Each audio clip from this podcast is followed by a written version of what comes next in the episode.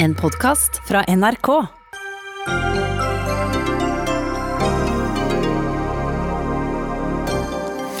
Milliardene renner fortsatt ut på koronatiltak. Hvem skal til slutt ta regningen? Det blir toppmøte i Dagsnytt 18 mellom Erna Solberg og Jonas Gahr Støre. Den drapssiktede Tom Hagen forlot for kort tid siden fengsel, etter at Høyesterett forkastet politiets anke. Regjeringen har innført muligheten for å korte ned læretiden for at eh, lærlinger skal få fullført utdannelsen, men det kan føre til dårligere kvalitet på de som utdannes, frykter faglærer. Og Venstre ønsker å fjerne de siste restene av kirken i Grunnloven. Nei, vi må ivareta kulturarven vår, sier Arbeiderpartiet.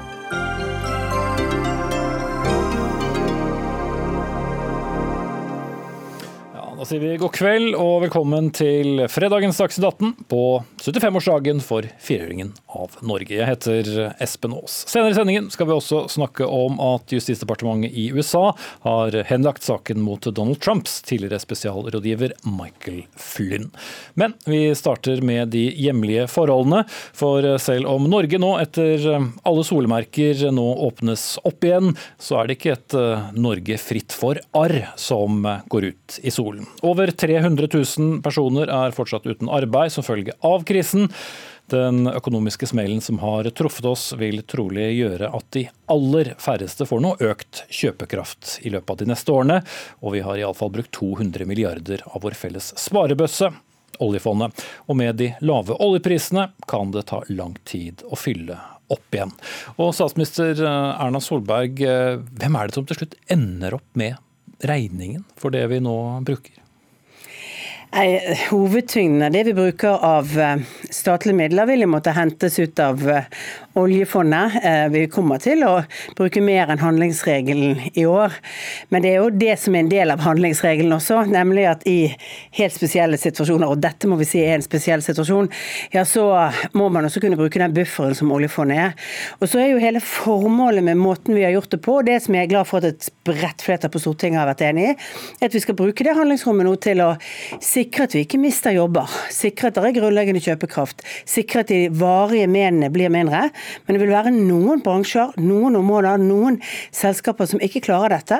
Rett og slett fordi de kanskje dårlig, altså hadde en dårlig økonomi i utgangspunktet. Eh, noen steder fordi denne situasjonen kan bli mye mer langvarig for dem. Eh, bedrifter som har mistet en sesong som var helt nødvendig. Vi jobber jo hele tiden med å fintune på en måte tiltak for å hjelpe, men vi kommer ikke unna at eh, dette har satt oss tilbake i verdiskapingen i Norge, så må vi bli enda flinkere på både å skape mer fremover, men også inkludere flere i arbeidslivet. For det er den andre siden som er utfordrende. Gjennom nesten alle store perioder med høy ledighet, store sjokk mot økonomien, så har man ikke vært flink nok til å få folk tilbake igjen i jobb. Mange er blitt gående utenfor.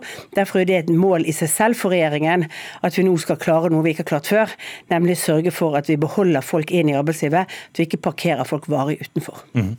Nå har både Statistisk sentralbyrå og Norges Bank sagt at 2020 så blir det fall i innenlandsøkonomien. Vi kommer heller ikke til å klare å ta det igjen neste år. Kanskje da først i 2022. Men må vi da enten ty til høyere skatter eller kutt i de store offentlige budsjettene våre for å ta igjen alt vi nå bruker? For den pengebingen vi tar av skal jo også gå til bl.a. fremtidens pensjoner. Ja, men vi må passe på at det viktigste for fremtidens pensjoner det er at vi har en bred vekstevne i norsk økonomi. Det er at folk jobber. At vi har jobbene, og at vi får folk i jobb. Og Det betyr at det å bruke noe mer penger på det nå, investerer for fremtiden hvis vi klarer å få dette til. Og Da er det ikke sånn enten-eller. For det vi kan fort, hvis vi øker skattene, så kan det bidra til at det blir mindre verdiskaping, flere, færre nye jobber, større effekt egentlig på fremtidige pensjoner av at færre vil være i jobb, flere vil ha utfordringer, det vil være færre som betaler inn. Og det er viktig å huske at Oljefondet er en viktig og stor sikring for Norge, men det aller viktigste vi har, det er at flest mulig av oss er i jobb. At det er flest mulig, og at vi har ikke, minst en privat sektor med jobber som bidrar til å finansiere den offentlige sektoren. Så i det lange løp så er det utrolig viktig at vi løfter opp jobber i privat sektor, og at det er folks arbeidsinnsats som er avgjørende. Mm. Foreløpig står veldig mange da uten arbeid. Arbeiderpartileder Jonas Gahr Støre, hvor dårlig tid mener du vi har på oss? Når må vi begynne å fylle opp igjen? Ja, Det som er helt avgjørende, er jo at vi må få folk tilbake i jobb. og Det tror jeg alle er enige om i politikken, er at det er arbeidet vi lever av før vi tar av oljefond, så er det det som er det aller viktigste. Og Det er to ting der. Det ene er jo at Norge var jo på litt feil kurs før denne krisen kom, ved at andelen av som jobbet, som jobbet hadde falt. Vi var før på toppen av det, og så har det falt. Og så får vi denne kjempesjokket i tillegg. Det som er urovekkende er at Hvis folk blir stående utenfor arbeidslivet for lenge, og det skal ikke veldig lenge til, så er veien tilbake kortere. Så jeg vil si to ting. Arbeid og rettferdighet. Fordi at Når forskjellene øker, og det vi ser nå fra forskningen allerede, er at de som faller ut av arbeidslivet nå, det er de som satt vanskeligst til, hadde deltidsjobber, usikrede jobber, kanskje ikke kompetansen ferdig. Så jeg tror at vi gjør en veldig feil nå om vi går over på det som blir en spar- og kuttepolitikk. At vi skal gjøre det mange land gjorde etter finanskrisen som vi klarte å styre unna. Vi må investere i kompetanse, investere i arbeid. Og så har vi jo masse uløste oppgaver fremover. Det er riktig som Erna Solberg sier at noen bedrifter vil gå over ende. Nå vil jeg jo si at mange veldig gode bedrifter risikerer å gå over ende fordi de blir tvunget til å stenge ned. Men vi har jo store uløste oppgaver. Vi skal se på klimaendringene som en mulighet for Norge. Vi kan utvikle ny industri, ny teknologi. Og i hele tjenestesektoren er det også mange nye ting vi kan ta tak i. Så vi må nå investere i arbeid. Nei, altså det er klart vi må gå gjennom det vi har planlagt av store prosjekter fremover. Samferdsel, veier, bane, alt sammen må vi ta et kritisk lys på. Det er fornuftig etter en sånn uh, situasjon. Men jeg tror andre land som gikk inn i kuttepolitikken etter finanskrisen, de ble sittende igjen fattigere. Vi slipper å gjøre det, men nøysomhet og god vurdering av hver krone vi bruker, det må vi alltid ha. Men å øke urettferdigheten, øke forskjellen i samfunnet vårt, det gjør oss mye mindre motstandsdyktige for den det tøffe 20-tallet som ligger foran oss. Det siste intervjuet jeg gjorde med Jan Tore Sanner før vi kom til 12.3, Erna Solberg, da satt han og sa at nå må vi begynne å kutte, nå må vi begynne å stramme inn. Men hvor langt inn i fremtiden kan vi skyve det? Men Det er viktig å huske at eh, det vi da satt i før dette skjedde, det var jo en situasjon hvor sysselsettingen var på godt på vei opp. Sysselsettingsandelen har økt de siste to årene i Norge.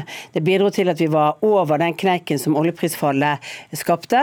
Det bidro til mangel på arbeidskraft i en del områder av landet. Vi var altså i en, og vi hadde en vekst som var over det som er trendveksten, altså snittveksten for Norge. Det betyr at da skal vi jo bruke litt mindre penger fremover for å sørge for særlig at det er rom for privat sektor, sånn at vi ikke ødelegger for de jobbene som skal bidra til å betale for alt det vi ønsker oss også i, av bedre velferd fremover.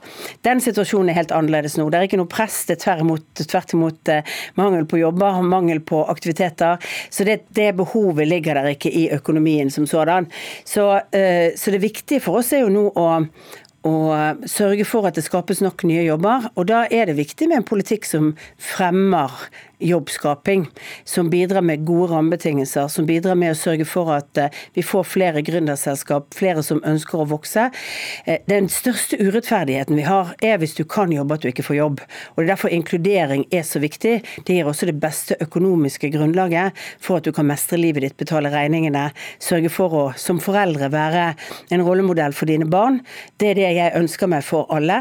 Og Hvis vi f.eks. tenker på en gruppe som nå nok kommer ganske vanskelig ut av denne situasjonen, mange av de som har lav utdanning og innvandrerbefolkning i Norge, så er nok eh, de særlig opptatt av dette, at de må få lov å jobbe. og Derfor må vi skape flere jobber. Og Da betyr det at vi går inn i en periode hvor vi må ha hovedfokus på vekst, sysselsetting, skape jobber og grønt skifte, ja. Vi har sagt at det er en del av de pakkene vi kommer med. Eh, mye teknologi. Men vi må gjøre det på en bred front, ikke bare på de som har organisert interesse, men også de litt ufødte ideene må få et rom fremover. Mm. Men det tar jo fort tid. Hvor vil du begynne, Støre? Nei, altså De ufødte ideene syns jeg det er fint om blir født. og Heia gründere, Erna Solberg. Men det som bør uroe oss nå, det er jo at kjernen i det som er Norges industri, Norsk industri har falt de siste årene. Vi har lavere industriverdiskapning i Norge enn i andre land. Den er nå ekstremt utsatt. Så det vi må gjøre nå, er jo en redningsaksjon for vår industri langs kysten. Fagarbeideren, industriarbeideren, blant de beste i verden, som jeg mener har en stor mulighet foran seg nå, de er truffet tredobbelt. Både av koronakrisen, av en verdensøkonomi i ulage og fallende oljepris. Så nå må vi få til i de kommende ukene en pakke som sørger for at den delen av industrien overlever. Og så er jeg for at vi skal ha tiltak som uh, får nye ideer fram, men jeg tror det at Høyres tradisjonelle tenkning om at brede, generelle rammeordninger som alle kan på en måte eh, høste av, eh, det er bra, men vi trenger mer målrettet engasjement. Jeg tror vi kommer til å måtte trenge en stat som har økonomi, som er villig til å være med og stille krav til industrien, krav til næringslivet, men også stille opp og ta risiko. Det er nødvendig for å få denne økonomien i gang igjen. Og husk på det, Her har Norge en mulighet som andre land ikke har. og Det å gå inn i en politikk som blir en kuttpolitikk, en litt sånn tradisjonell eh, innstramningspolitikk, det andre land gjort før oss, og det er ikke det sporet vi må gå i. Mm. Større nasjonale satsinger med offentlige penger? Ja, det gjør vi jo. Det gjør vi jo. Og det har vi Eh, muligheter, skal vi åpne for det. Ja, eh, det, det gjør vi altså. Vi, eh, vi har jo bl.a. tatt veldig mye risiko nå for å altså gi likviditet til bedriftene. Vi gir jo nå lån hvor staten tar veldig mye av risikoen for å sikre at de bedriftene som har vekstkraft fremover, kan klare å komme over denne kneiken. Så det er ikke mangel på risikotaking for, for, fra myndigheter i dag. Og vi har laget flere også bedre ordninger for å ta mer risiko fremover for å investere i bedrifter. Så vi, jeg oppfatter ikke at den hovedlinjen er det uenighet om. Det kommer nok til å være en uenighet om at de bedriftene som vi nå hjelper over kneiken, skal møte Arbeiderpartiets skatteregime med 15 milliarder i økte skatter hvis de fortsetter med det de hadde med løftet inn i denne, denne perioden. Det vil være et eh, ikke så veldig hyggelig budskap til alle de som forsøker å skape arbeidsplasser fremover. Støre kan jo svare på det med en gang. Nei, Det kommer ingen overraskende skattemeldinger fra Arbeiderpartiet, Erna Solberg, men du har altså kuttet skattene hvert år, økt forskjellene. og Det mener jeg gjør Norge mindre eh, rustet for det vi skal inn i. Bare la meg si det. Resultatet av det var at vi hadde en trangere sykehusøkonomi. Eh, vi hadde mindre evne til å møte mye av det vi nå står i, og det å skulle også begynne å kutte nå i velferden. Eh, en av de største utfordringene vi skal møte nå om noen dager, det er jo hvordan vi skal eh, møte kommunene våre. Eh, som sikrer den grunnleggende velferden som gjør at folk kan komme i arbeid og at vi får utjevnet forskjeller. De har fått fall i inntekter, økte utgifter, og de må vi nå også stille opp for. Det ville være en stor feil om vi lot dette gå utover dem. Mm, og Det viktigste vi stiller opp for, er en politikk som skaper jobber. Og Da er det ikke sånn at, vi, eh, at de bør være redd for overraskende skatteøkninger fra Arbeiderpartiet. Det er ingen overraskelse at Arbeiderpartiet under Jonas Gahr Støre ønsker skatteøkninger, men det er altså fullstendig feil medisin i dagens situasjon. Eh, de bedriftene bedriftene som nå får hjelp over kneiken, må også vite at de i årene fremover hvor de skal ta igjen det tapte, skape enda flere jobber, ja, så har de rammebetingelser og forutsigbarhet på skattefronten som gjør at de ikke skal betale mer til staten, men faktisk kunne opprettholde det nivået de har i dag. Kanskje også litt lavere skatt fremover. Og det er jo sånn at Arbeiderpartiet har stemt for hoveddelen av de skattelettelsene vi har hatt. Da har de alltid syntes at det var, at var skattelettelser som var vekstfremmende. Eh, jeg tenker at eh, den snuoperasjonen som ble gjort før forrige valg, hvor Arbeiderpartiet gikk inn for økte skatter. Den håper jeg å se en snuoperasjon tilbake igjen til før eh, neste stortingsvalg, for det, det er feil svar, svar i utviklingen. Større. Eh, eh, nå må vi gå gjennom hva som er riktig for norsk økonomi. Så jeg, Arbeiderpartiet er for en skattepolitikk som sikrer at det er rettferdighet at de med de sterkeste skuldrene tar den tyngste børa. Nå kan det hende at noen av de sterke skuldrene ikke er så sterke lenger, så det må vi se på på ny. Men den generelle oppskriften til Erna Solberg om at hvis vi kutter i skattene, så kommer det investeringer og jobber, det stemmer ikke. Norge har et forutsigbart skattenivå når Arbeiderpartiet legger sitt opplegg på bordet, så det tror jeg vi kan eh, den, den diskusjonen kjenner vi. Nå er spørsmålet om vi kommer til å være voksne til å tenke nytt. For det kommer, tenke, det kommer, til å ha behov for å tenke nytt, også om statens rolle, deltakelse, risikoavlastning. Det er den private sektoren som skaper jobber i Norge, små og mellomstore bedrifter. Eh, mange av dem har jo sagt før denne krisen og under krisen at de ønsker en stat som stiller opp, stiller krav er moderne og er med. og Da skal vi skape nye bedrifter, men vi må passe på så ikke de etablerte store, de som har vist at de lykkes i denne, denne verden, nå ikke går til grunne fordi vi har en akutt krise. Så Det må vi løse i de ukene som kommer, Erna Solberg, og det håper jeg regjeringen stiller opp på. En viktig dag er jo tirsdag. Da kommer revidert mm. nasjonalbudsjett. Hvor store endringer og hvor mye er det innrettet på det? Jeg skjønner ikke du kan ta detaljene, men er det et ganske annerledes eh, revidert nasjonalbudsjett vi ser enn det som var planen? Selvfølgelig, fordi vi har hatt eh, tre store pakker som har gått gjennom Stortinget med store endringer i det budsjettet vi har. Så det er jo, ikke, det er jo et annet budsjett vi i utgangspunktet har nå etter de endringene som er gjort, en helt annen situasjon. Og så kommer vi da til å gjøre en hel del ting i forbindelse med revidert nasjonalbudsjett, og det er blant bl.a. Vi kommer til å satse mye på kunnskap og kompetanse. Vi kommer til å øke antallet studieplasser. Veldig mange unge har nå søkt om å ta mer utdanning. Det er bra. Noen av de har nok søkt fordi at de er redd for at det ikke er jobber å få, men jeg tror utdanning er bra i seg selv for folk. Å gå ledig er det verste, så vi øker jo på det. Og så øker vi målrettet mot utdanninger som også kommer til å være med på bidraget i fremtiden til, til å løse de oppgavene vi ser i samfunnet.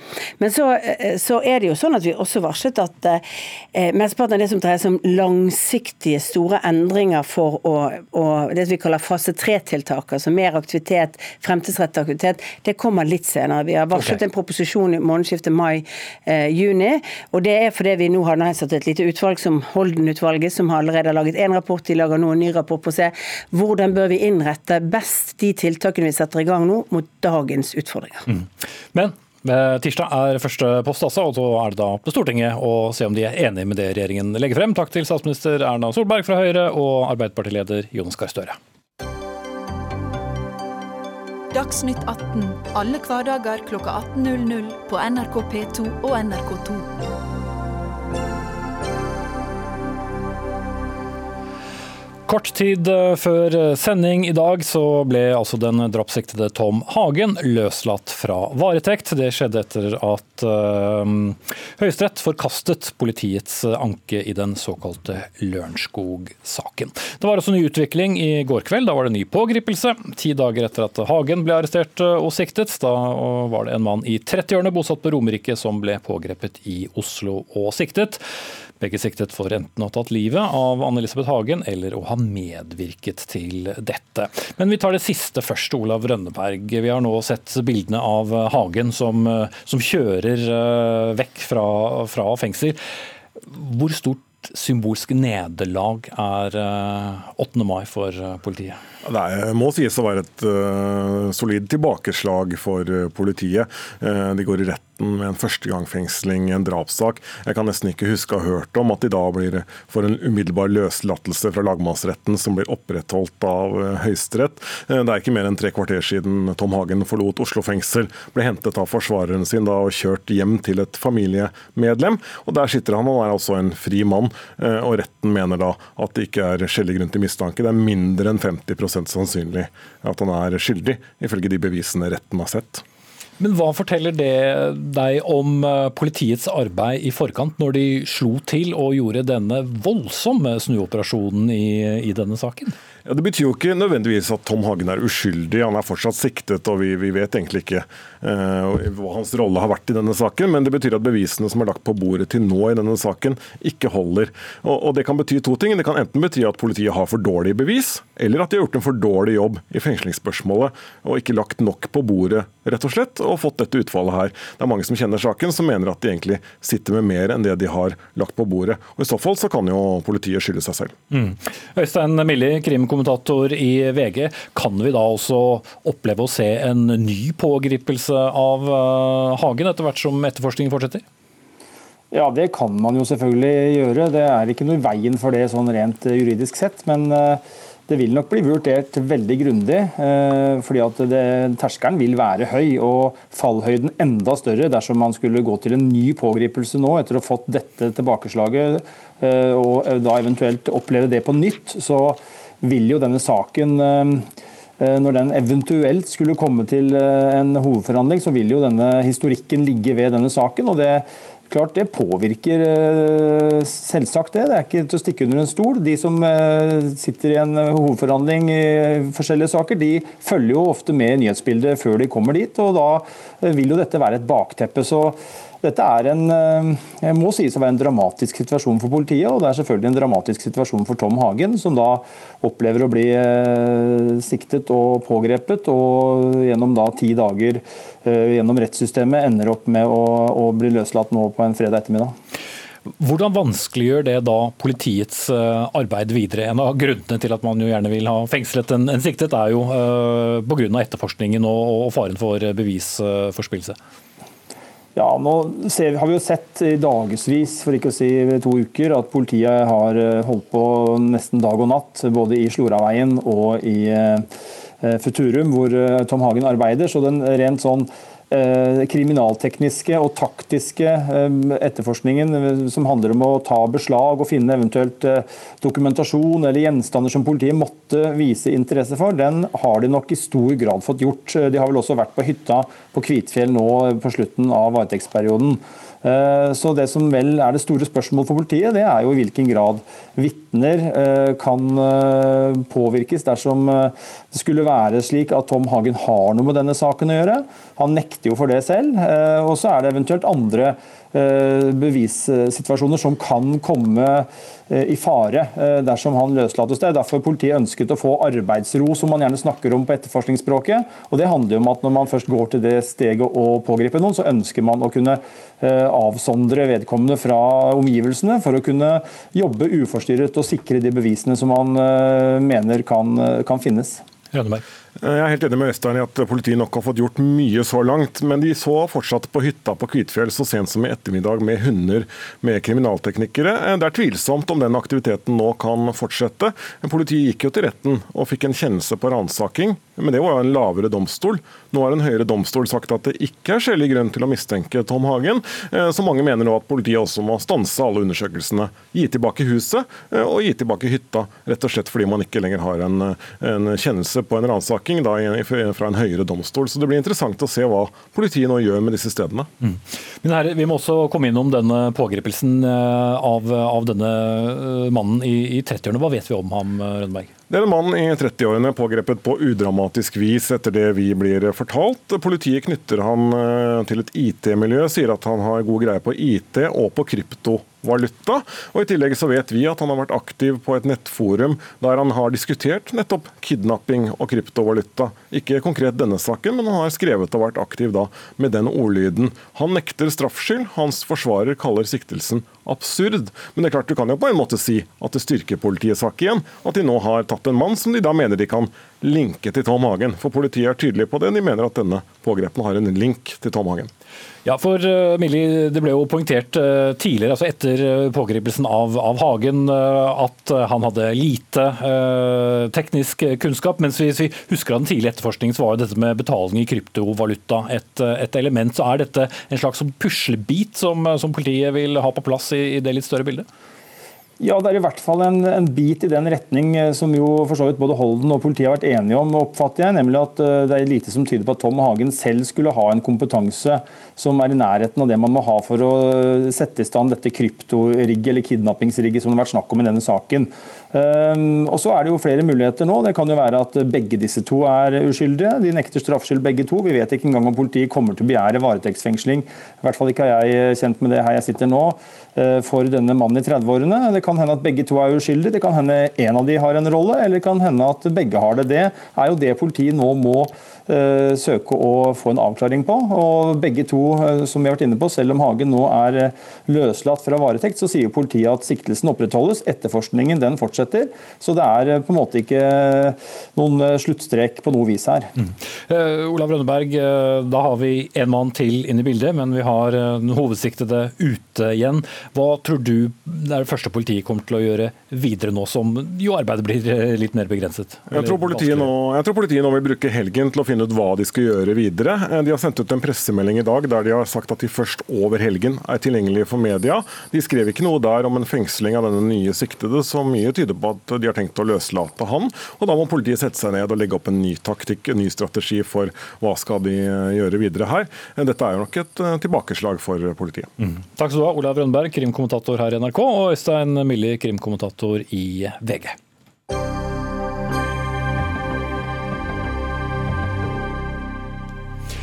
Senere i sendingen så skal vi høre at Fremskrittspartiet nå kaster seg inn i debatten om nedbyggingen av norsk natur, og sier at det er da ingen fare for litt mer hyttebygging her i landet.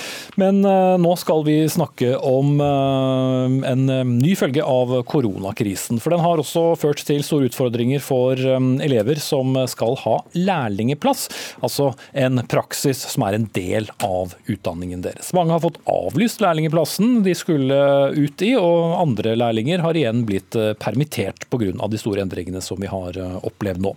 Kunnskapsdepartementet har har eh, fastsatt eh, det som heter midlertidig unntak knyttet til fag- og svenneprøver, og kan også korte ned denne læretiden, da for å sørge for at ikke så mange blir forsinket. Lars Jakob Berg, faglærer i elektrofag og avdelingsleder på Elektro ved Strømmen videregående. Du har vært lærer over 20 år og sier du ikke har sett en lignende krise. Men spørsmålet er, vil et slikt tiltak virke? Altså det vi har sett, er at eh, nå er ca. en tredjedel av de som skal ut i læra, 30 av 90, de har fått læreplass. Det er eh, vi pleier av over halvparten, så det er mye, og det er dramatisk for dem. Og det andre som skjer, det er at det er mer stor usikkerhet når man skal ut på markedet og søke læreplass. Eh, de tiltakene som går på fagprøve, vil ikke hjelpe, det, vil ikke hjelpe mot det. Eh, det, for det er overgangen mellom skole og arbeidsliv som nå er dilemma. Så da må du ha noen tiltak som gjør at du faktisk kommer ut i læra. Når det kommer til fagprøve, så er det mer et tiltak for at du skal fullføre dette andre nåløyet for å nå fram til å bli ferdig fagarbeider. Og Det er noen sånne nåløyer vi har. Vi har skolegangen som et nåløye, vi har overgangen mellom VG2 og, og læra. Det er der vi har det store frafallet. Vi har fagprøve. Det siste nåløyet er å opprettholde kvalitet. Fordi fagfolk må levere produkter som du syns er bra, og som gjør at de har lyst til å bli i arbeid. Så dette er tiltak som kan fungere. Det jeg er redd for, er at man mister fokus på kvalitet, og man mister fokus på overgangen mellom VG2 og lærer. Mm. Så kull 2020, hva slags kull frykter du det kan bli? Nei, Jeg frykter at det blir et kull som er tapere i forhold til å gå ut i læra. Men jeg frykter én ting til. Jeg frykter også at det at mange mot byggebransjen mister lærere, gjør at flere nye kull ikke har lyst å komme ut, i, eh, komme ut på yrkesfag. Pga. de konsekvensene du tror kan komme? konsekvensene som jeg tror kommer. Og så tror jeg det er en god del ting vi faktisk kan gjøre for å hindre dette her. Mm, du skal få komme tilbake til dem om litt, men jeg vil ta inn deg, Guri Melby, kunnskaps- og integreringsminister fra eh, Venstre. Hvordan skal egentlig disse tiltakene da hjelpe for eh, mennesker som jo egentlig trenger den erfaringen som de får mindre av? Først har jeg jo lyst til å si at uh, Elektrofaglærer Lars Jakob Berg han peker jo på en god del viktige utfordringer. og De tiltakene som vi har kommet så langt, de er jo uh, slett ikke ment å skulle rette opp mot alle de utfordringene, men de er ment å skulle løse opp i noe av det.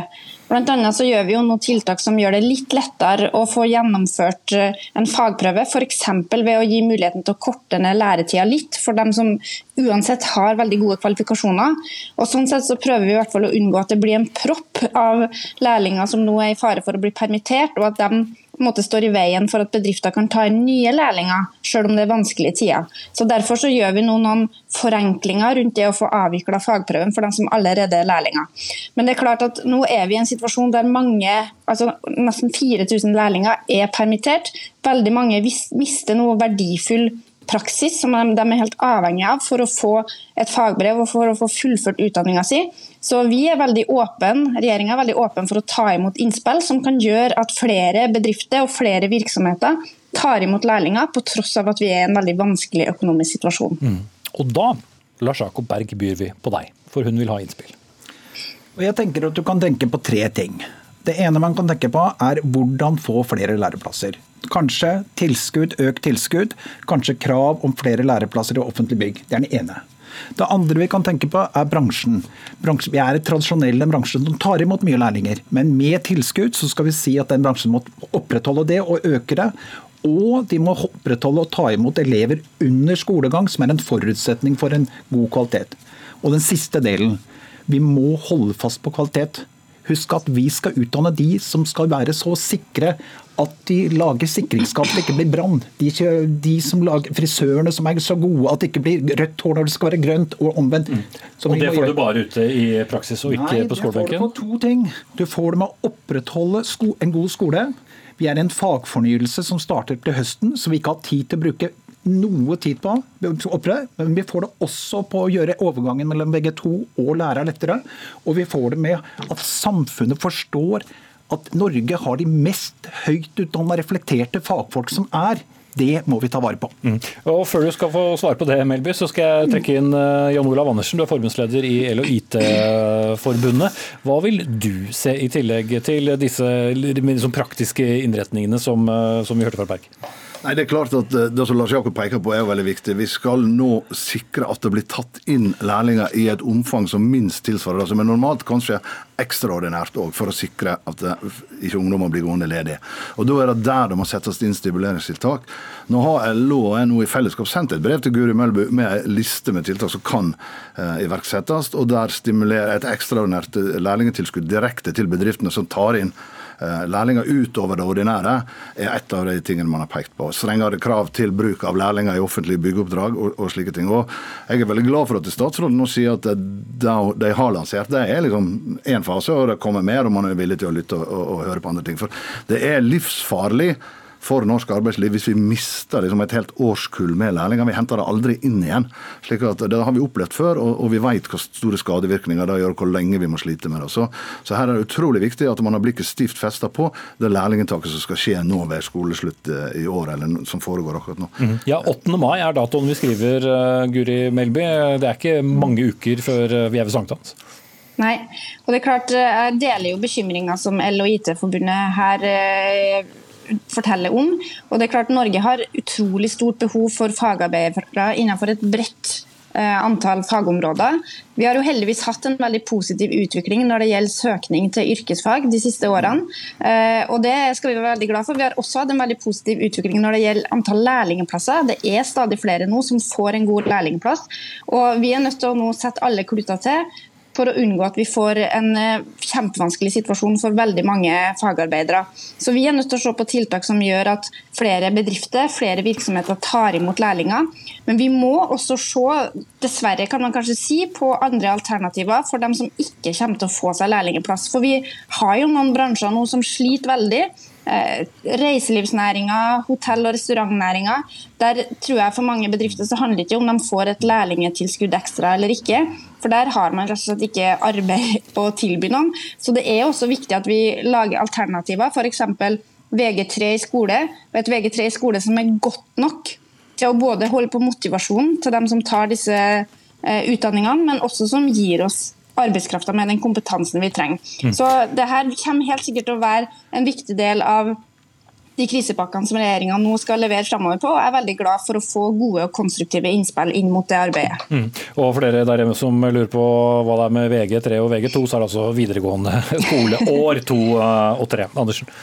Nei, altså, Det er jo positive signal her. og Det er selvfølgelig sånn at det er ikke bare myndighetene som kan løse dette problemet. Bransjen må også selv stille opp. Mm. Hvis bransjen klarer å holde seg på bena? Ja, og vi Jeg representerer heldigvis noen bransjer som, som klarer det. Og så har jeg full forståelse for at situasjonen er vesentlig annerledes i andre bransjer. Og problemstillingene blir også dermed annerledes. Men vi i de bransjene jeg representerer innenfor elektrofagen og energi, og eh, slik ting, så er det en utfordring direkte til bedriftene. og Sørg for å ta ordinære og kanskje også ekstraordinære lærlingetak i år. Sørg for at fremtidens generasjoner av fagarbeidere blir utdannet på tross av at det er vanskelige tider. Og Jeg tror det er mulig å få til i et samspill mellom bedriftene og, og, og myndighetene og oss i fagbevegelsen. Mm. Eh, Lars Jakob Berg, eh, du er jo tettest på da elevene. Hva sier de til deg nå? For det er jo ja, en klisjé, da, men ekstraordinære tider. Og ingen så jo for seg at vi skulle få denne våren. Det som er litt forunderlig, er at foreløpig så er de på vent. At de er faktisk glad i utdanninga si og ønsker være, og de venter. Men trøbbelet med den gjengen jeg har på skolen, det er jo at hvis de ikke får læreplass, så forsvinner de til noe helt annet.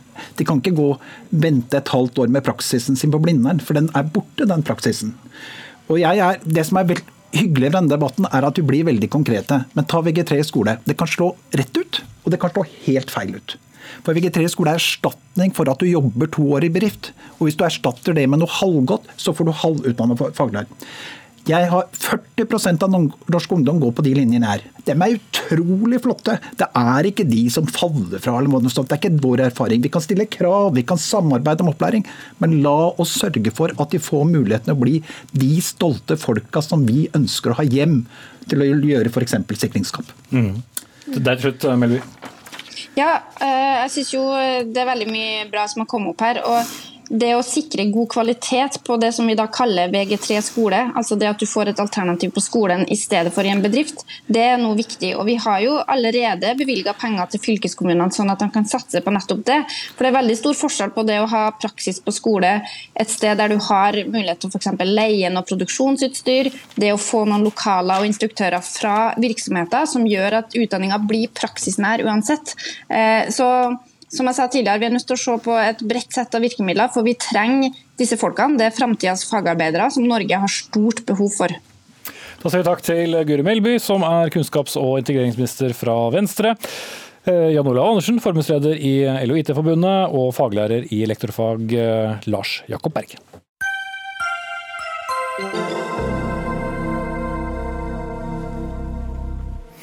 Nå skal vi eh, utenriks, for eh, i morges hørte vi nyheten. Justisdepartementet i eh, USA dropper saken mot Donald Trumps tidligere nasjonale sikkerhetsrådgiver Michael Flynn.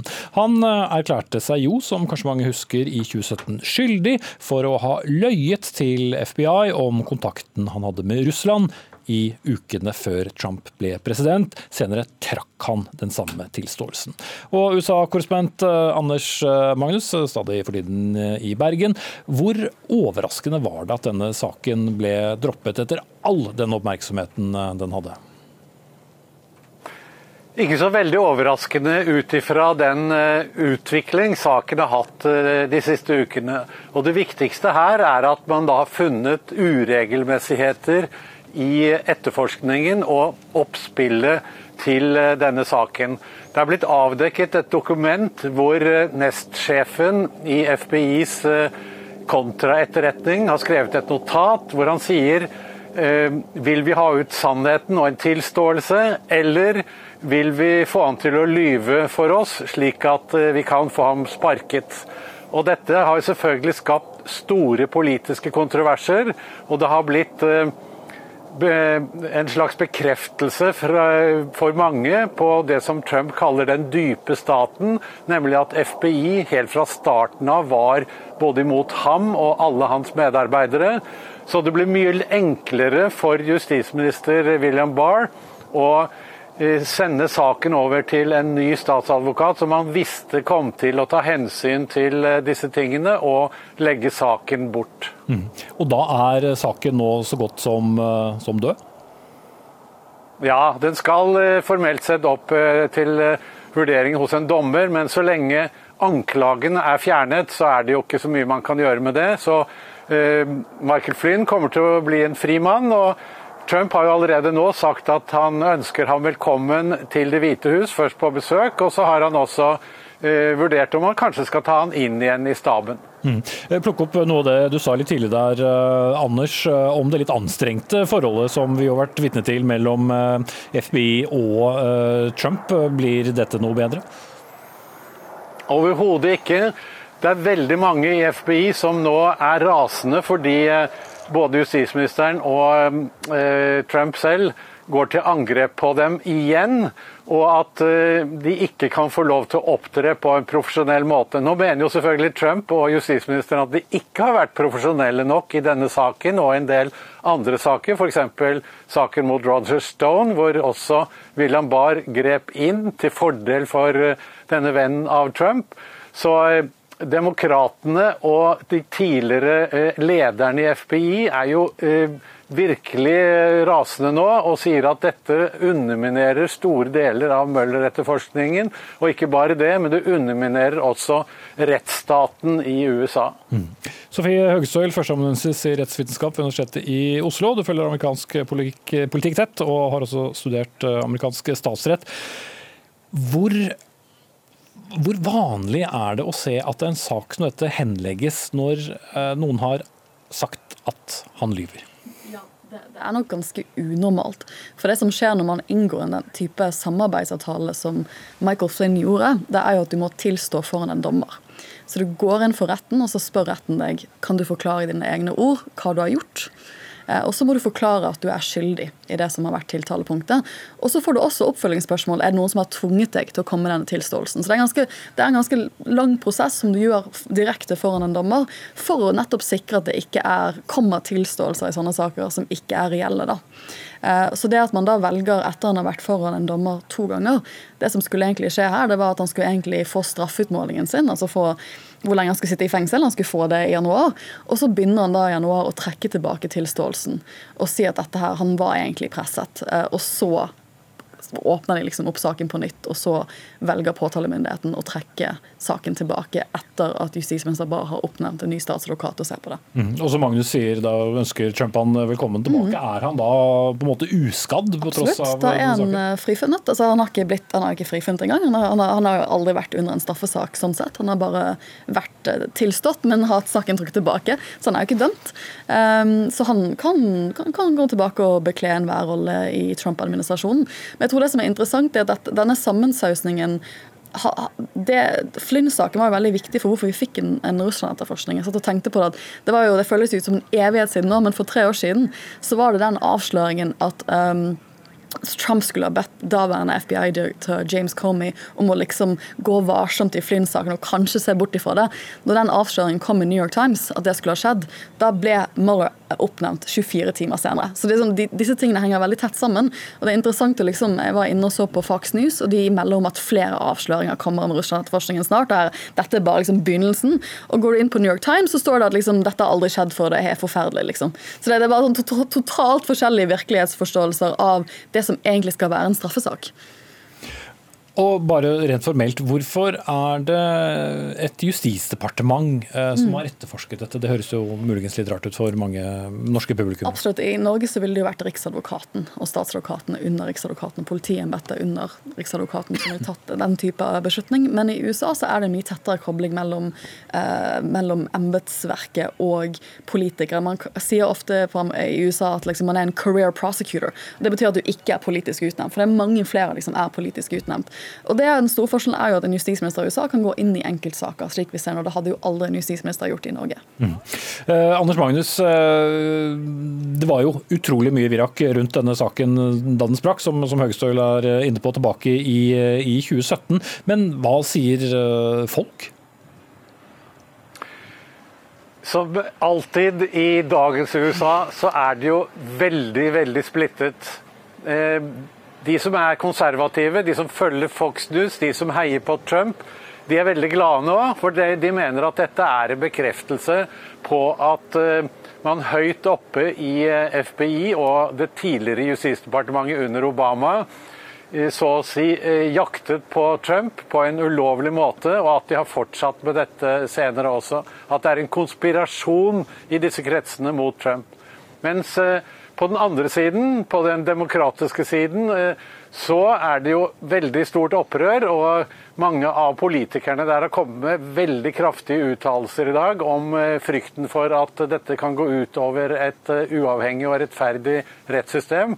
Og at man ikke lenger har det i USA under denne ledelsen i Justisdepartementet. Men når du snakker om folk flest, så vil jeg tro at de aller fleste får med seg bare overflaten. De som er eh, Trump-tilhengere, de får med seg at her er det en stor seier for Trump. De som er, eh, de som er demokrater eller ikke tilhengere av Trump, de får med seg at eh, her gikk det noe galt for Møller-etterforskningen. Men i det vesentlige så tror jeg kanskje ikke at folk bryr seg så veldig mye. Særlig ikke i disse koronatider. Ja, til slutt, eh, Sofie Haugestøl. Eh, la gå, det er mye annet som skjer, men det blåser jo da godt liv i den store konspirasjonen om alle som er mot Trump? Absolutt. altså Dette er jo blitt en sak om sånn deep state, som de snakker om. At det er embetsfolk som egentlig er veldig politisert, som tar politiske avgjørelser, som har vært imot Trump. Og de har motarbeidet han når han bare var presidentkandidat. At det begynte liksom under valget i 2016.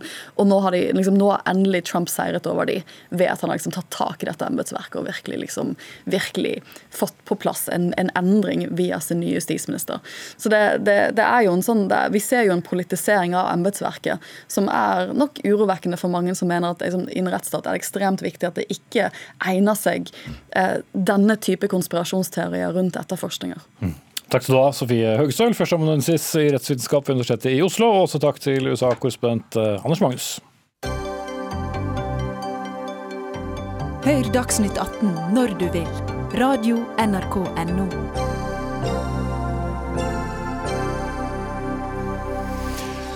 Så til eh, sagt Gud og fedreland, i hvert fall kirke og stat. De eh, gikk eh, hver sin vei i 2012, eller i hvert fall ble det vedtatt slik. Men alle spor etter kristendommen er ikke fjernet fra den norske statsforfatningen. For i Grunnlovens paragraf fire står det f.eks. at kongen alltid skal vedkjenne seg den evangelisk-lutherske religionen, og i paragraf 16 at Den norske kirke står ved lag som Den norske folkekirke.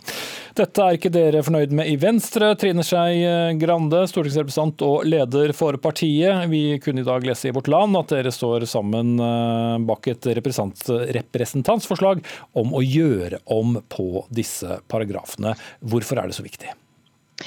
Det er viktig prinsipielt at man må skille mellom kirke og stat. Det er viktig at man har et, eh, en, en, et ønske om at staten skal være nøytral. Eh, den skal være livssynsnøytral og skal være for alle. Eh, og jeg håper at vi også skal ha en kirke som skal styres av medlemmene i den kirken, og ikke av staten. Mm.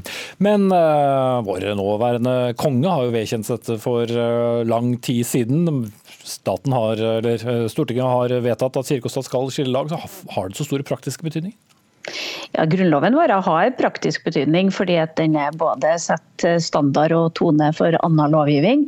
Og vi f.eks. også har levert et forslag som skal grunnlovssikre det som var i forrige sak, nemlig at tiltaleansvaret ikke skal kunne politiseres. At det er et viktig prinsipp. Det har vi foreslått også skal inn i Grunnloven.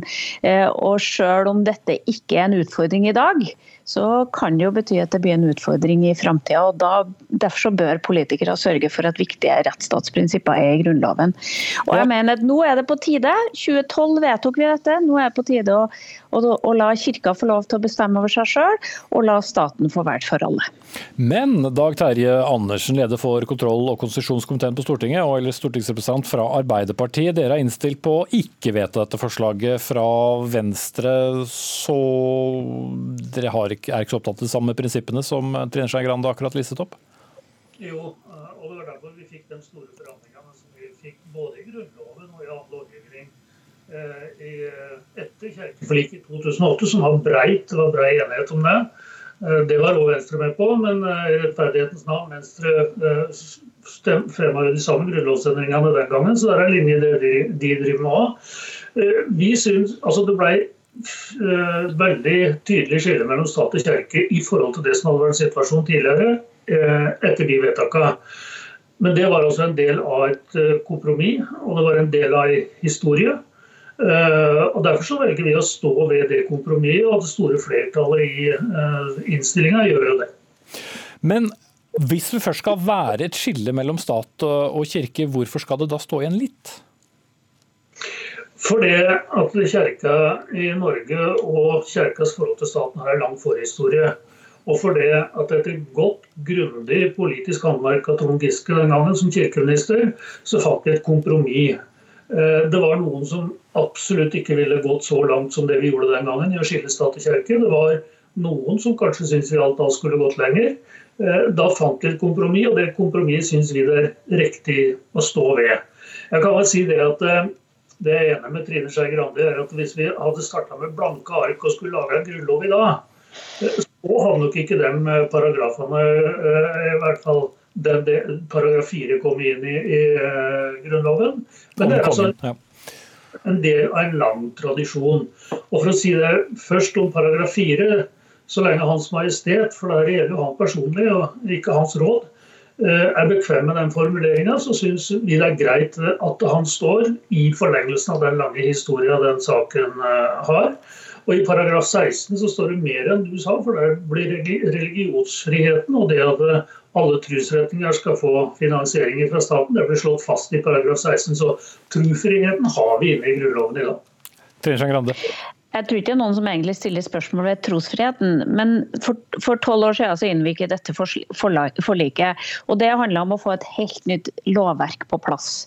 Eh, og jeg jobba veldig eh, med den loven som nå gikk gjennom i Stortinget for kort tid tilbake. Det var jeg som jobba med den først, og så tok Kjell Ingolf over. Og nå har vi fått til et nytt samla lovverk for trossamfunnene eh, i mm. Norge. Og vi har ordna opp i forhold til kirkene sine fond.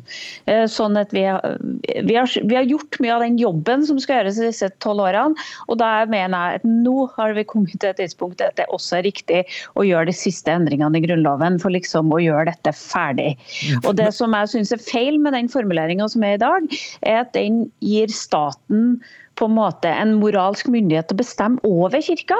Mens jo jeg mener kirka skal styres av dem som er medlemmer av de i den kirka. Eh, og Det har også vært en lang prosess. Før var det sånn at det var viktigere å sitte i regjering hvis du skulle bestemme biskop, enn å sitte i et menighetsråd. Nå begynner vi å få utligna dette. Nå begynner vi å få den folkekirka som mange av oss ønska oss for tolv år siden. Og da må vi også gi den kirka full makt over seg sjøl, okay. og sørge for at vi får en stat som er nøytral. Andersen. Det var jo nettopp det som skjedde ved eh, forliket eh, fra 2008 og via lovendringene senere, at eh, kirka ble eh, fristilt. Men det å påpeke i Grunnloven at en lang tradisjon, en tusenårstradisjon snart i Norge, eh, er en del av den norske kulturen, det syns ikke jeg er noen eh, problem i forhold til Grunnloven sånn som den er i dag. Så lenge den slår fast eh, og så lenge Kjerka jo har fått mye større frihet etter de her lovendringene. Det var jo noe av hensikten, ja det var hensikten eh, med at vi gjorde alle de endringene. Jeg er veldig fornøyd for at vi fikk til det. Men så vet jeg òg at det å dra i gang den diskusjonen på nytt vil føre til ganske stor strid både i kristne miljøer og i andre eh, miljøer. Og da velger vi så kort tid etter det kompromisset å stå fast på det kompromisset. og står ved det vi ble enige med de andre partiene. Ok, Kort til slutt, Trine Skei Grande. Rent praktisk, hvis dere da sammen med SV eh, skulle fått gjennomslag for dette, ville dere da tatt religionen fra kongen? Nei, jeg tror nok at kongen får lov til å tro det akkurat han vil. Jeg ville ha sluppet løs kongen på veldig mye mer måter enn akkurat bare dette. Men, men vi, jeg tror jo at, at, det er soleklart at vi, bygger, vi, er et land som bygger på kristne og humanistiske verdier. Hvis du skal ramse opp alle de verdiene, så jeg mener f.eks. at vi ligner Luther har påvirka norsk kultur mer enn katolsk tro kanskje har gjort også. Så, så vi kan ikke ramse opp alt det i en grunnlov som har vært med å påvirke kulturen og idégrunnlaget og verdiene som vi bygger på. Men her bør vi bare si at tro det tilhører enkeltmennesket. Eh, staten skal legge til rette for trosfrihet for alle mennesker for å ha den livssynsoppfatninga de ønsker. Mm. Ja, og det, det, det står allerede i paragraf 16. Så bra. Og tro, det gjør vi jo som gjerne da i kirken. Takk til Dag Terje Andersen, stortingsrepresentant for Arbeiderpartiet, og Trine Skei Grande, leder av Venstre og stortingsrepresentant for Sampartiet.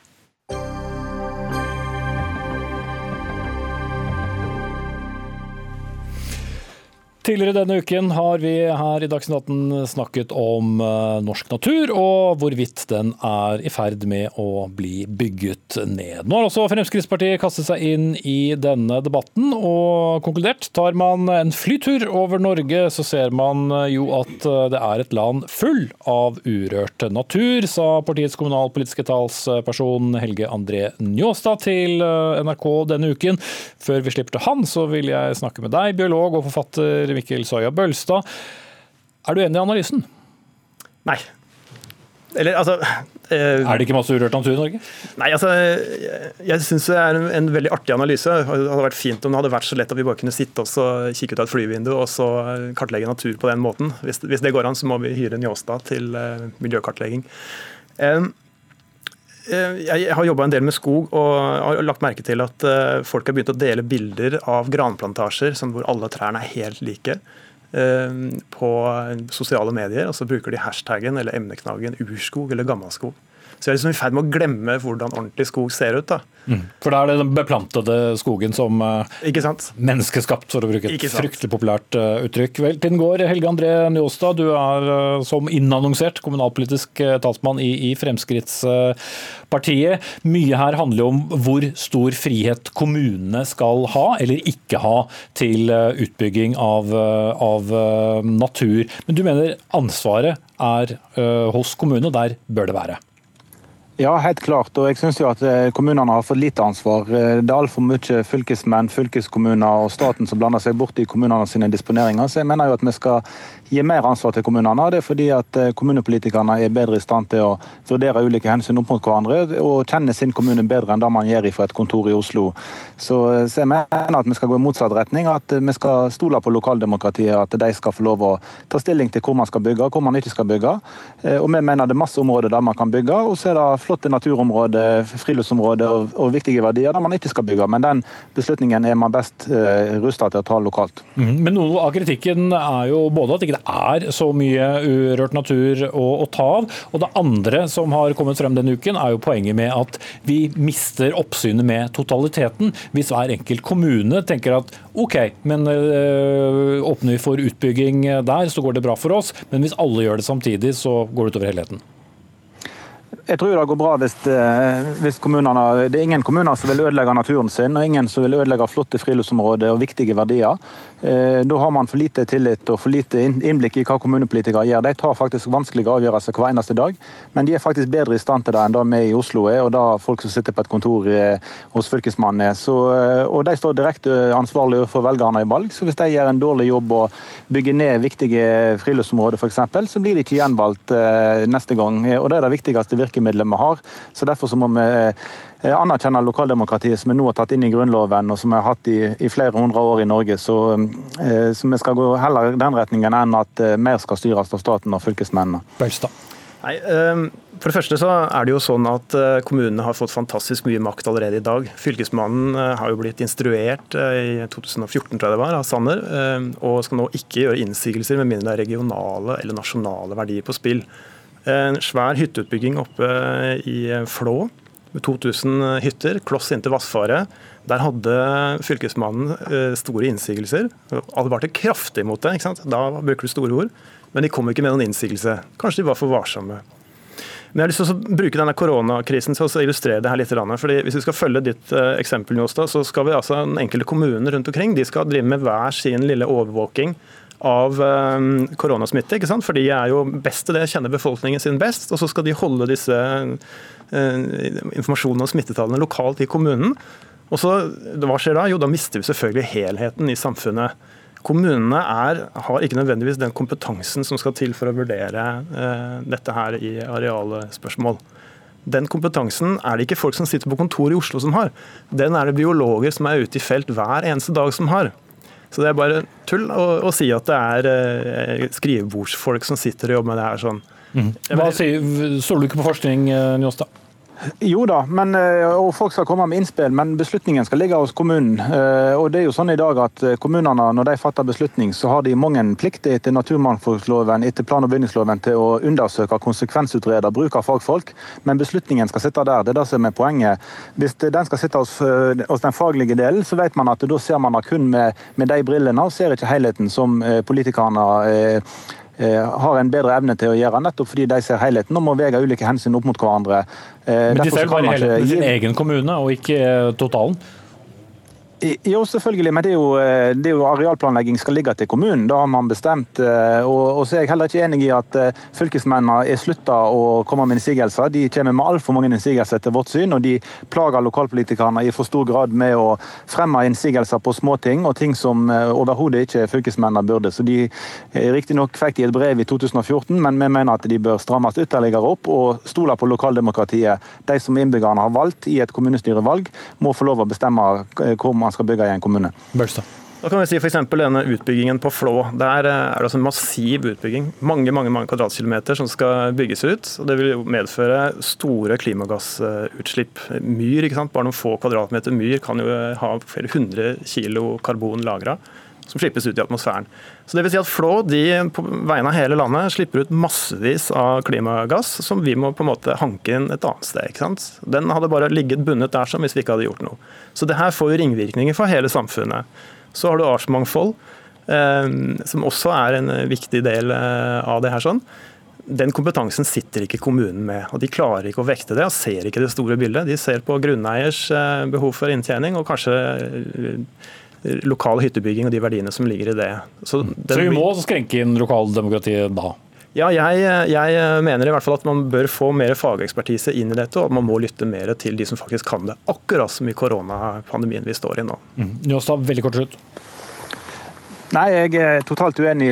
Lokalpolitikerne er opptatt av mer enn bare grunneier. De er opptatt av at innbyggerne som bor i kommunen eller har hytter i kommunen skal ha gode liv, gode friluftsområder, gode naturverdier. Så jeg syns det er en disrespekt av lokaldemokratiet og de som sitter i kommunestyret og jobber på dugnad for å ta beslutninger på vegne av fellesskapet.